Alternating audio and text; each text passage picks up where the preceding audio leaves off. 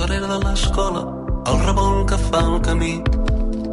S'hi aturava la tartana que portava fins aquí. Des del turó vaig veure la vall i el poble que dormia. Dalt al castell la lluna va fer-me de guia. Era un dilluns, era el dilluns eh, 13 de març, fa gairebé un any, ho farà aviat, eh, quan va començar a aparèixer la informació eh, ben d'hora al matí, que feia setmanes que corria en moltes redaccions, o que semblava que s'havia de... Eh, que es caminava cap allà, que Manel, una de les bandes més importants de les últimes dues dècades a Catalunya, s'aturava indefinidament. Alguns van dir se separen, no va ser així, però eh, evidentment l'impacte mediàtic i emocional ja hi era igualment. En aquell moment moltes mirades, és cert, es van centrar en eh, Guillem Gisbert, en el lletrista, en el cantant, en el frontman de Manel, amb la pregunta de i ara què? No? Ell, eh, diuen, ara li preguntaré, va posar el mòbil en mode avió durant tres dies i, i després va seguir. Eh, fa tres mesos en Guillem ja va trencar el silenci al món a RAC1, va presentar ja les primeres cançons en solitari i ahir va aparèixer oficialment el disc, el primer del nou projecte musical, que es diu Balla la Masurca i avui Guillem Gisbert torna a ser en aquest mateix estudi. Com estàs, Guillem? Bon dia. Bon dia, estic molt bé. Van ser Gràcies tres, tres dies de mòbil silenciat o... No sé si van amb ser mode- tres, però en qualsevol cas el mode avió és de les coses més meravelloses que ens ha donat la tecnologia últimament.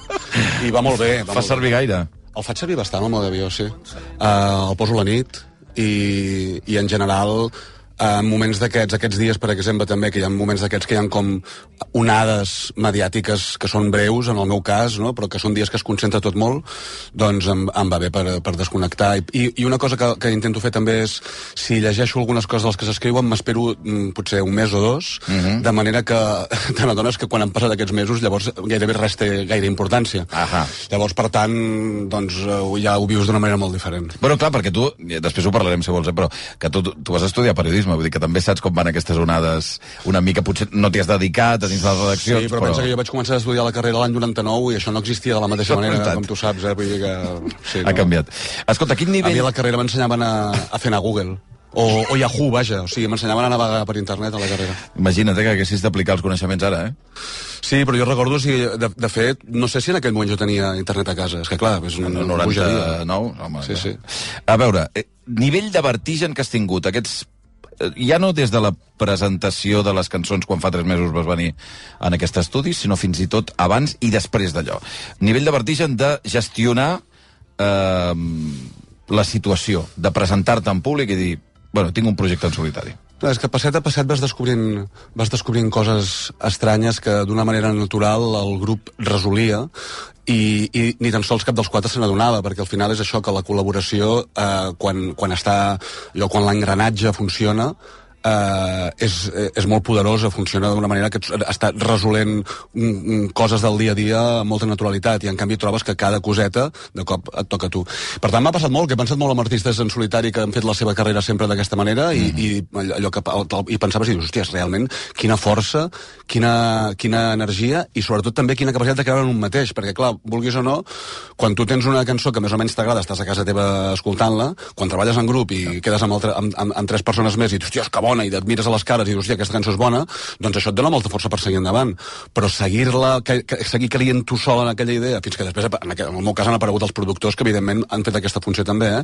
Però, clar, és, et, et demana tenir com una columna vertebral molt ben posada. És del que més has trobat a faltar aquest temps, el punching ball, diguem-ne, el de jo llenço, tu respons i entenem que aquí està passant alguna cosa. En, en el cas aquest de la part aquesta més de la composició, és això, trobes a faltar la companyia, trobes a faltar les bromes, trobes a faltar determinats tons que la banda genera que són una mica diferents, els que puguin passar només per un, per un cervell n'era conscient, hi ha una pregunta aquestes de, hòstia, aquesta, mm, aquest tipus de cançó com la puc fer? O sigui, en el, en el grup sempre hi ha aquella cosa de, de qui fa què, mm -hmm. que realment la, és una resposta que no és impossible, perquè, perquè ho, ho fa el grup, diguem, Sí, que no sí. és cap dels éssers humans.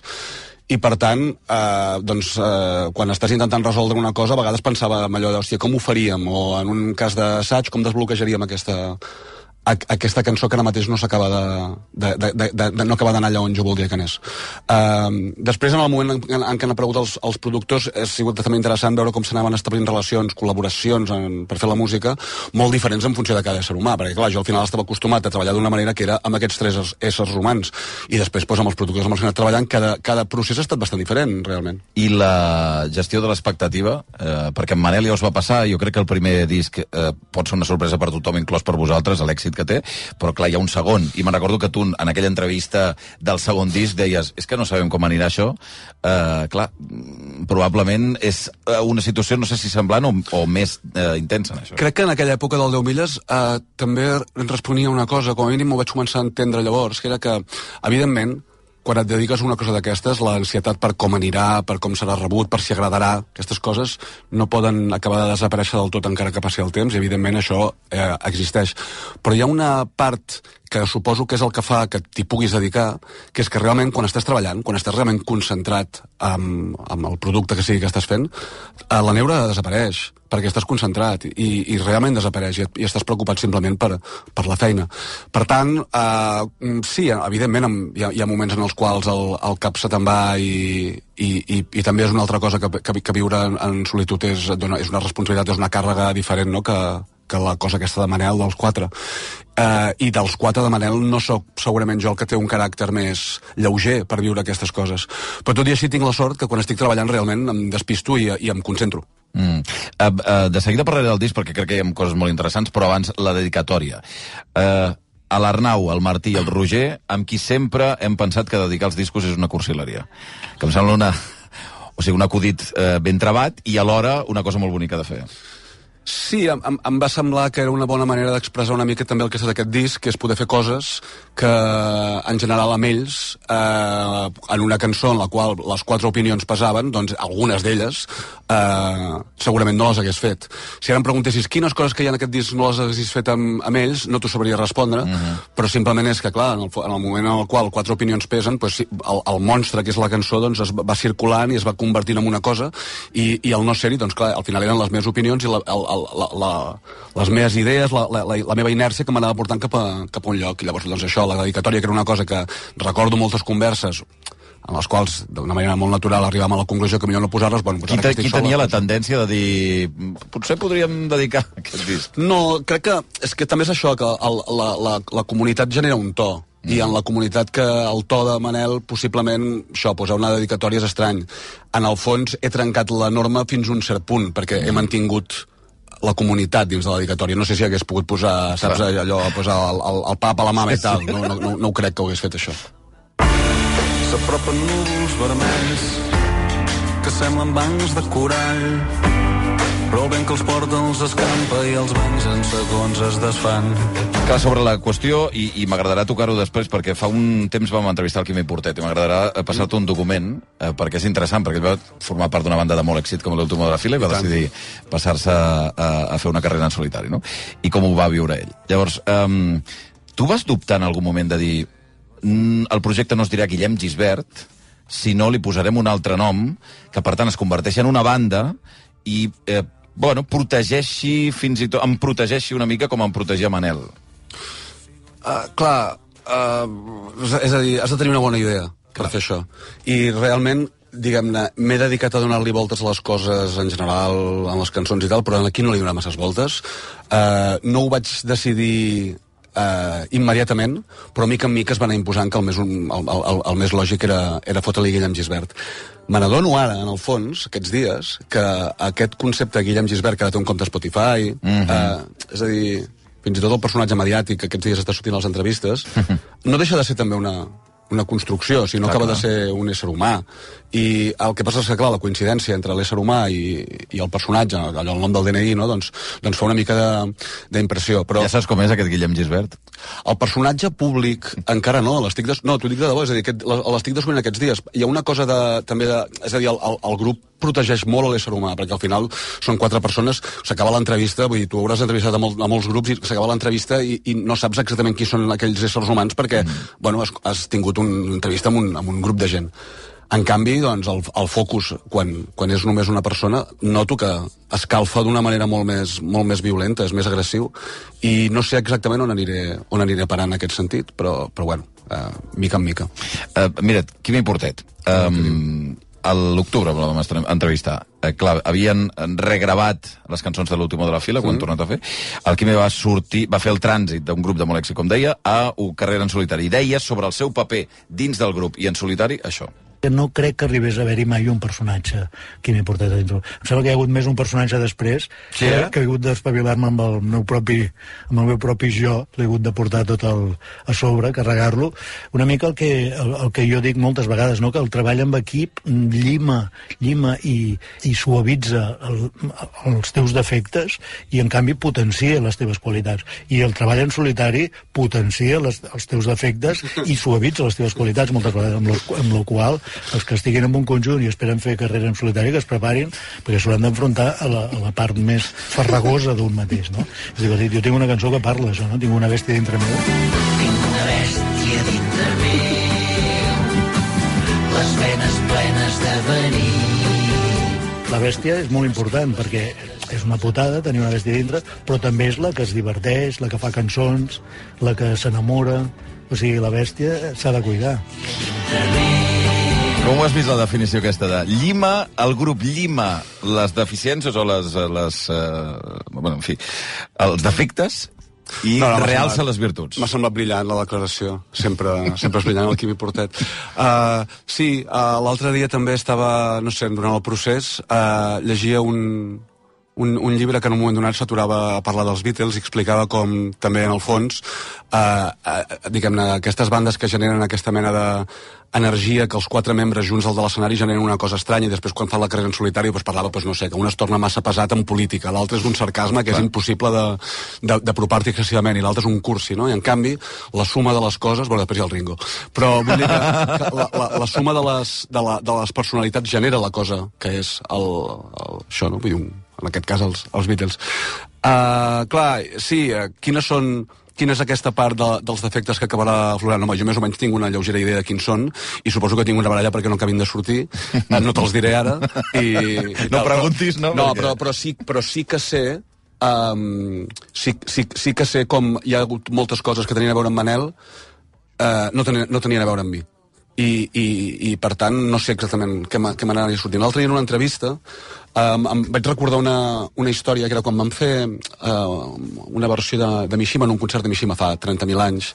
Era la cançó que, que, aquesta que es diu Cercle i Breu. Cercle i Breu. Sí, Hi havia un moment que estàvem a la passa del sol, diria jo, um, asseguts, i estàvem pensant vam allargar la lletra i surten uns, uns versos una mica diferents que allarguen una mica la mateixa mètrica i tal. Llavors jo, jo vaig dir, fem una cosa, direm, tan fans que ens hem comprat tots els discos. I el Roger va dir, no, tan fans que ens hem baixat tots els discos. doncs això és un grup de música. Vull dir, la, la, la, la pentinada final fa la frase molt millor i li dona una lleugeresa, un sentit de l'humor, una cosa. Això és la col·laboració de, de, de Manel. I la teva bèstia, que te'n la portes? No, la meva bèstia vaig fent, però també et dic una cosa. Cuidar, no? Sí, no, i a veure, el grup m'ha salvat en la part professional, però l'altre va fent també, vull dir que no, anem fent, no, tot bé. I ja no pensem que qui no ens veus no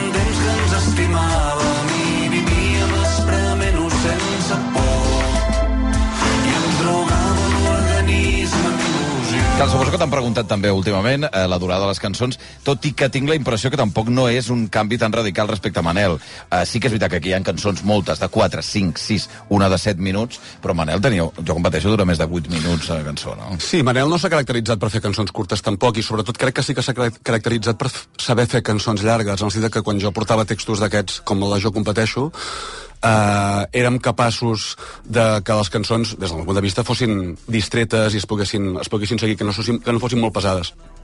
Sí que és veritat que aquests dies m'estan subratllant molt el tema, però jo penso que la qüestió de la llargada és a dir, sí que passa a vegades amb el grup que de cop hi ha algú que et diu, hòstia, eh, aquesta estrofa potser no, potser no cal.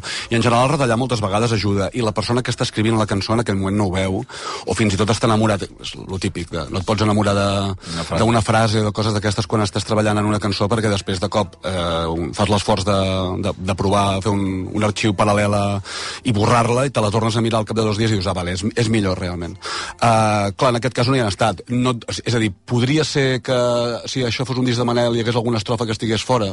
Podria ser, no ho sé. Però també sé que cançons com, no sé, el General Lluna, per exemple, o la Miracle de les Planes, no crec que fossin diferents, perquè perquè, bueno, perquè té sentit que siguin llargues d'alguna manera. Aquest, uh, aquesta cançó, uh, Waltzing Matilda, uh, és una cançó molt de caminar, no? Eh, de sortir a passejar. Crec que és una de les coses que tu uh, has dit que sempre és una... No sé si és una font d'inspiració, és una manera amb què tu, tu tens de crear. Bueno, i de domar la bèstia aquesta o el monstre que deies. És a dir, a mi, eh, bueno, mm, sóc eh, una persona bastant nerviosa i, i caminar m'ajuda molt a treure aquests nervis i, i m'ajuda també llavors a pensar i per tant m'ajuda a treballar. Com que faig una cosa que té a veure amb pensar molta estona una, una idea, una frase, però no és, no és prosa i per tant és això, puc estar mesos eh, per resoldre una estrofa, doncs puc anar xinutxant i de tant en tant trec el mòbil i obro una aplicació i m'apunto alguna cosa i així ho vaig, ho vaig polint. Per tant, que, eh, diguem-ne, treballar jo davant de l'ordinador 4 de la tarda, bueno, va, eh, som-hi, mm. eh, ha passat, però, però no, no tant en les lletres, ho faig més en la part, en la part musical, perquè la part musical sí que em treu, que em treu el, la neura molt més, diguem-ne, puc, estar sentat i, i, que no, i no tenir neure si estic tocant. Sobre això d'asseure's i escriure, hi ha una cançó estupenda, que a més els que som eh, fans de la, del cinema i de l'Escopeta Nacional i de Berlanga i de, Mm. Ah, bueno, clar, sí. i d'Azcona eh, són així.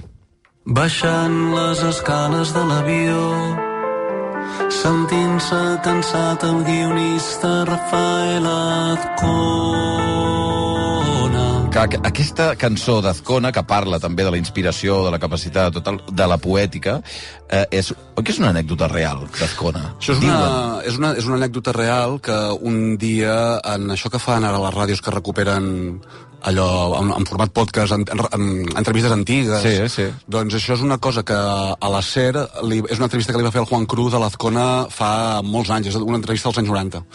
I un dia, allò de, hòstia, vaig, no sé com, vull dir, això, vo- voltant per alguna aplicació de, de podcast, vaig veure que hi havia aquesta entrevista i me la vaig posar a escoltar simplement perquè em venia de gust veure què deia l'Azcona l'any 90 i pico. Però perquè tu ets seguidor d'Azcona, del seu cinema... Sí, o no? bueno, perquè m'interessa el personatge i, i ja està, eh? Vull dir, no sé, devien haver-n'hi 15 d'entrevistes que m'interessaven.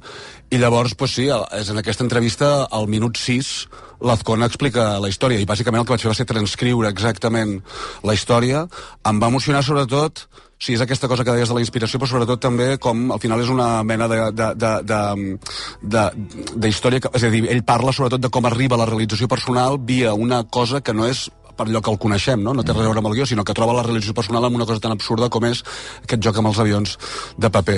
Es veu que era una cosa que ell explicava sovint. He anat eh, parlant amb, amb gent després que m'han dit que era un, una anècdota recurrent en, en, en el, de, de, de l'Azcona. Llavors eh, vaig, la vaig transcriure i vaig pensar, hòstia, podria aconseguir que una declaració d'una entrevista de ràdio, d'un podcast de l'any 90 i pico es convertís en una cançó, era gairebé com un, com un repte estilístic, eh?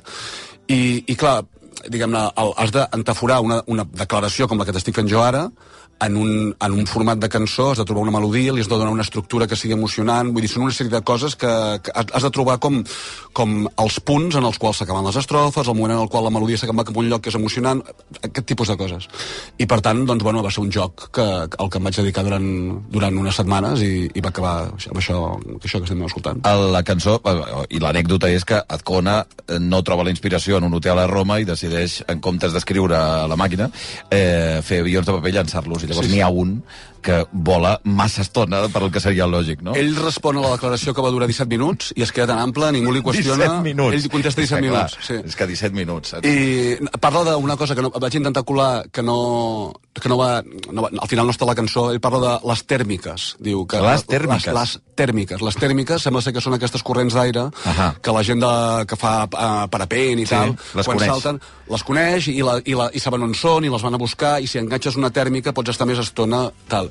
Per tant, en aquesta lletra durant molts dies vaig intentar fotre la paraula tèrmica, però tenia dos problemes Uh, un era que, no sé, al, al, al ser esdrújula hi havia algun merder que no acabava de funcionar i l'altra cosa era que em preocupava um, perquè si, si jo només deia tèrmica possiblement no s'entendria de què estava parlant. Mm. Per tant, després havia de posar-lo dels corrents d'aire calent i llavors ja era massa estona i, i, i la, diguem-ne que l'acció havia d'avançar. El tema de la inspiració és un tema que, que, que tens una relació còmoda, fàcil, eh, perquè hi ha molta, com molta literatura, molta poètica en això, no? Et ve la inspiració, un raig que colpeja el cervell en aquell moment, no? Mira, el, el, em surt el que m'he portat, que és un savi, hi ha un altre savi, que és el Cisa.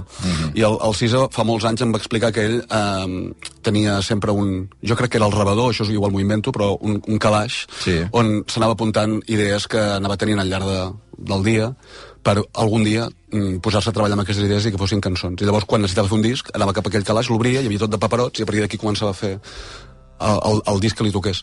Llavors, ah, és el més important per si et dediques a això, a aquest, a aquest calaix. I, i que en aquest calaix hi vagin entrant paperots. I de moment jo he tingut la sort que sempre l'he anat poder, el vaig omplint regularment. Aquests dies per exemple que estic amb la promoció i tal realment el cap no em rega excessivament. Però, però, però quan la cosa quan el silenci baixa i el modo avió apareix i tal llavors torna a aparèixer. De moment he tingut sort. Sortíem que era fosc als estudiants que fèiem torn de tarda travessàvem el campus buit jo anava mig frustrat. Que hi ha molta cançó reflexiva, molt eh, d'un tempo determinat, que potser en aquella comparació que farà tothom eh, i evidentment és inevitable de Manel, això és molt Manel és poc Manel, això és molt Manel o poc Manel eh, hi ha molta de reflexió i molta no? aquest, aquest to, no? hi ha aquesta mirada enrere també, això és l'estació de Bellaterra campus de la Universitat Autònoma on vas estudiar escenaris de la teva joventut que no sé si són escenaris tristos o grisos fins i tot, diries? Bueno, el to d'aquesta cançó eh, parla una mica de, de la grisó d'aquells anys a la facultat, de sortir, jo sortia crec que a les 9 de la nit a Bellaterra... mm, Festa tarda, no? Sí, jo feia tot de tarda, i parla una mica, però sobretot és, diguem-ne, és la foscor era de nit, però sobretot també aquella sensació, bueno, com a mínim una que jo vaig viure de jove, que era aqu- aquella cosa de no tenir massa clar què volia fer amb la meva vida, aquesta cosa del jove perdut que, no, que, que realment estava estudiant periodisme, perquè suposo que d'una manera vaga era de lletres, però llavors bueno, vaig acabar allà sense saber-ho massa, i realment allà va haver-hi com un moment que en el meu cervell va començar a dubtar molt, i va ser un moment que, que va ser una emoció important per mi, va ser una emoció que se'm va menjar durant un, durant, durant un temps, Quan dius emoció que se'n menja, vols dir que semidepressiva? No, semidepressiva no, vull dir simplement una qüestió de, de, de pensament de pensament una mica obsessiu, de donar-li voltes, de... De no sé què estic fent, exactament. De no saber què estic fent i depèn del caràcter que tinguis, igual quan tens aquest tipus d'emocions reacciones o po- t'hi pots quedar una mica més rumiant, que és el, el, el, meu, el meu caràcter, i per tant vaig estar rumiant i vaig acabar la carrera, vull dir, hi ha aquesta història d'aquesta persona que està allà com una mica una mica perduda, però...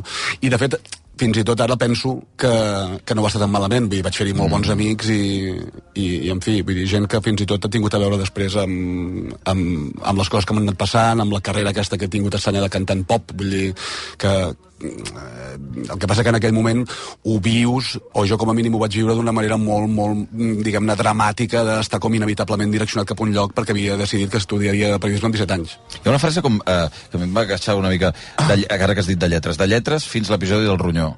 Sí. Llavors vaig ser de ciència. Què vol dir això? Puc Bueno, preguntar-ho, això? Bueno, pots preguntar-ho. Diu que era una persona que va ser de ciència sí. i de lletres i llavors va passar una cosa amb el ronyó i llavors es va fer molt de ciències. Li va tenir un- una cosa de salut i llavors va ser de ciències. Però bueno, però ho deixo aquí, vull dir, no... no Deixo la interpretació, no entrarem, no? Uh, què, què hagués estat d'aquell Guillem Gisbert si no gairebé, no sé si és accident, no sé si és per sorpresa, ara és la sorpresa, la carrera estranya de músic de pop eh, sense Manel. O sigui, cap on anava Guillem Gisbert? Clar, jo havia estudiat això que et deia, no? Estava fent periodisme, vaig fer periodisme, vaig eh, fer uns anys de història de l'art, no ho vaig acabar perquè ja em vaig posar a treballar, vaig fer les pràctiques al periòdico, vaig estar treballant un temps a l'edició d'Andorra de, del periòdico, vaig fer una substitució de periodista esportiu. Escrivies cròniques esportives? Sí, a veure, vaig estar un temps fent allò, però per exemple recordo una vegada que vaig fer una doble pàgina que- de, de rugby que no t'ho pots... Vull dir, no sé, va ser una cosa... Perquè no sé, no sabia ni, ni les... Ni La les normes. localitzaríem encara, això, no? La Maroteca, suposo. M'imagino que deu estar en alguna banda, sí, sí. La doble pàgina de rugby, vaig escriure, Andorra, eh? Sí, la vaig escriure amb, amb, amb, amb, amb l'entrenador al telèfon. Jo li anava dient les frases en plan, això està ben expressat, és exactament així, perquè no sabia, no sabia ni què estava dient, realment. Uh, llavors, després ja vaig treballar a departaments de comunicació editorials. Què estaria fent? Uh, jo crec, a jutjar per aquells companys meus de periodisme que m'acompanyaven en aquells vagons de ferrocarrils en aquella època, eren gent més o menys de la meva corda, un tarannà similar, un percentatge important d'ells um, són professors d'institut i penso que seria una cosa que possiblement uh, hagués, hagués, hagués fet i els veig molt contents, així que igual estaria feliç de la vida de professor d'institut, els agrada molt, o sigui que, que bueno, eh, no- eh, ara mateix quan m'imagino aquest altre camí no pres, diguem, penso que hauria anat per aquí. Món editorial, perquè deies algunes empreses eh, del món editorial estaves. Vaig treballar a Edicions 62, vaig treballar a RBA, al, al segell de la Magrana, mm. uh, i van ser això, dos anys, eh, no van arribar, no va arribar dos anys. Però estaves al Departament de Comunicació. Al Departament de Comunicació, sí, sí, sí. parlant amb els mitjans... Sí, sí, sí, portava la, la, la, la premsa, um, organitzava uh, rodes d'entrevistes, uh, bàsicament era, era això, sí. M'han dit que vas coincidir amb Malcom Otero, potser? Sí, el Malcom Otero estava a RBA, exacte, sí. Sí, ell era editor, feia d'editor allà. És que m'ha dit alguna vegada, diu... Eh, jo li vaig dir, Guillem, home, no et vagis al món de la música, que, que no, això és molt difícil. I no, Ah, sí, em va en donar català." aquest, aquest, aquest consell, no me'n no me'n recordo. Sort que no li vas fer cas, com no li fem cas a la majoria. I, eh, si no...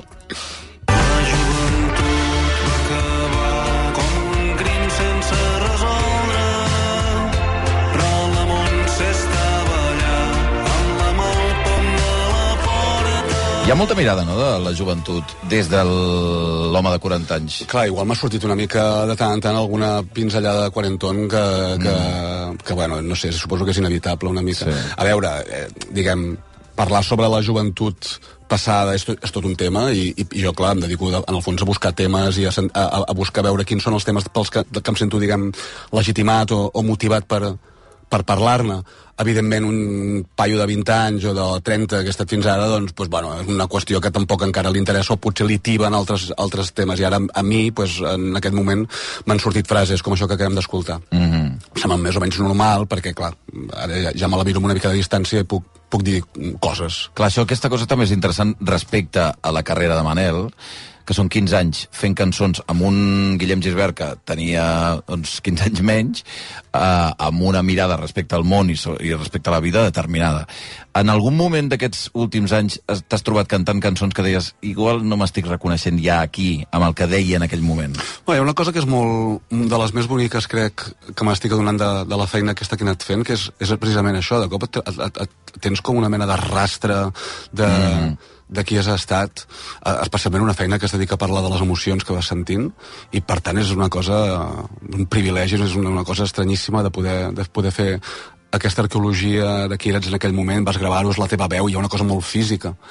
Uh, cançons que transmetin idees o emocions que ara mateix em són alienes, o evidentment que n'hi ha. A vegades penso que estic dient tonteries, a vegades penso que sóc un jove que no sap, de, no, que no sap res, de, evidentment, però també alhora em sembla molt bé que sigui així. I, i de fet espero que d'aquí 10 anys sentir aquest disc que estic presentant avui que també em passi. Mm, clar, eh, per això és, és curiós perquè la gent que són els seguidors eh, et reclamaran aquelles cançons que potser ja no t'identifiquen, tot i que sigui bonic cantar-les, eh?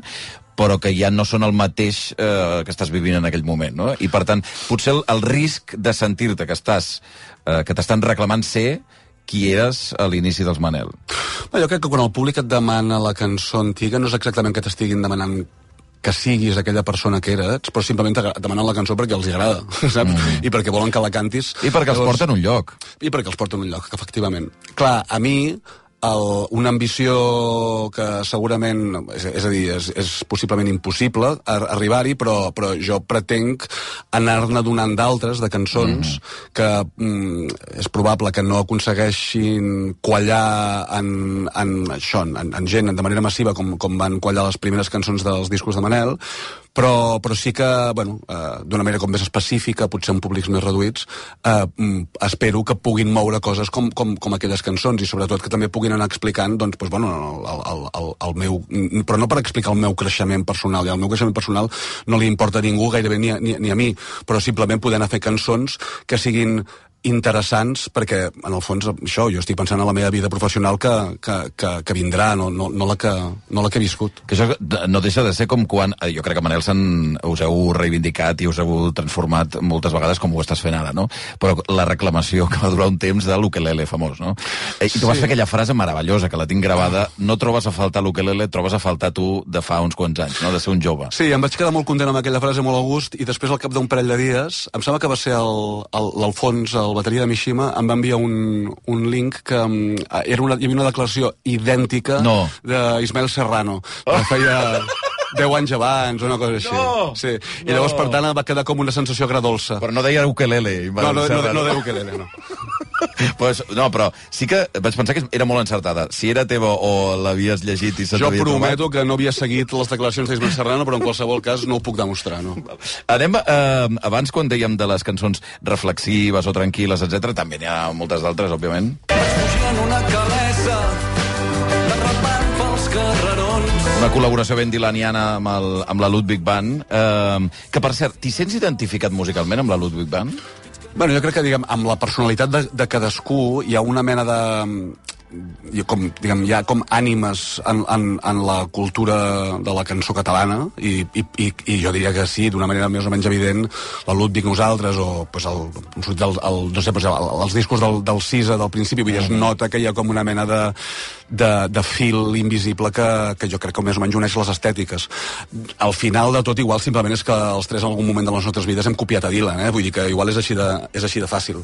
Però, però bueno, per aquesta, per aquesta via sí que, sí que noto una mica aquesta, aquesta unió i, i, i després simplement m'agraden d'una manera, o sigui, més, més enllà de, del que pugui haver-hi de, de proximitat artística, però realment m'agraden molt, crec que són molt bons músics, que estan fent molt bona feina, molt, molt bones cançons, i en aquest cas, aquesta cançó del General Lluna, que és una cançó que en el meu cap havia de sonar tant de gènere, sense, mm, això, desacomplexadament dilaniana, doncs clar, per, que existeixin aquesta gènere mateix per algú que vol fer això és un, és un miracle que val la pena, que val la pena aprofitar.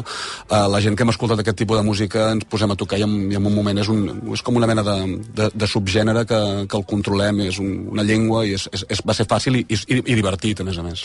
Eh, abans tornant al que et deia, la nostàlgia, què tal la controles? Eh, te n'allunyes, eh, et, fa, et molesta musicalment i la imatge que, que projectes? Eh, és una cosa que, que et preocupa?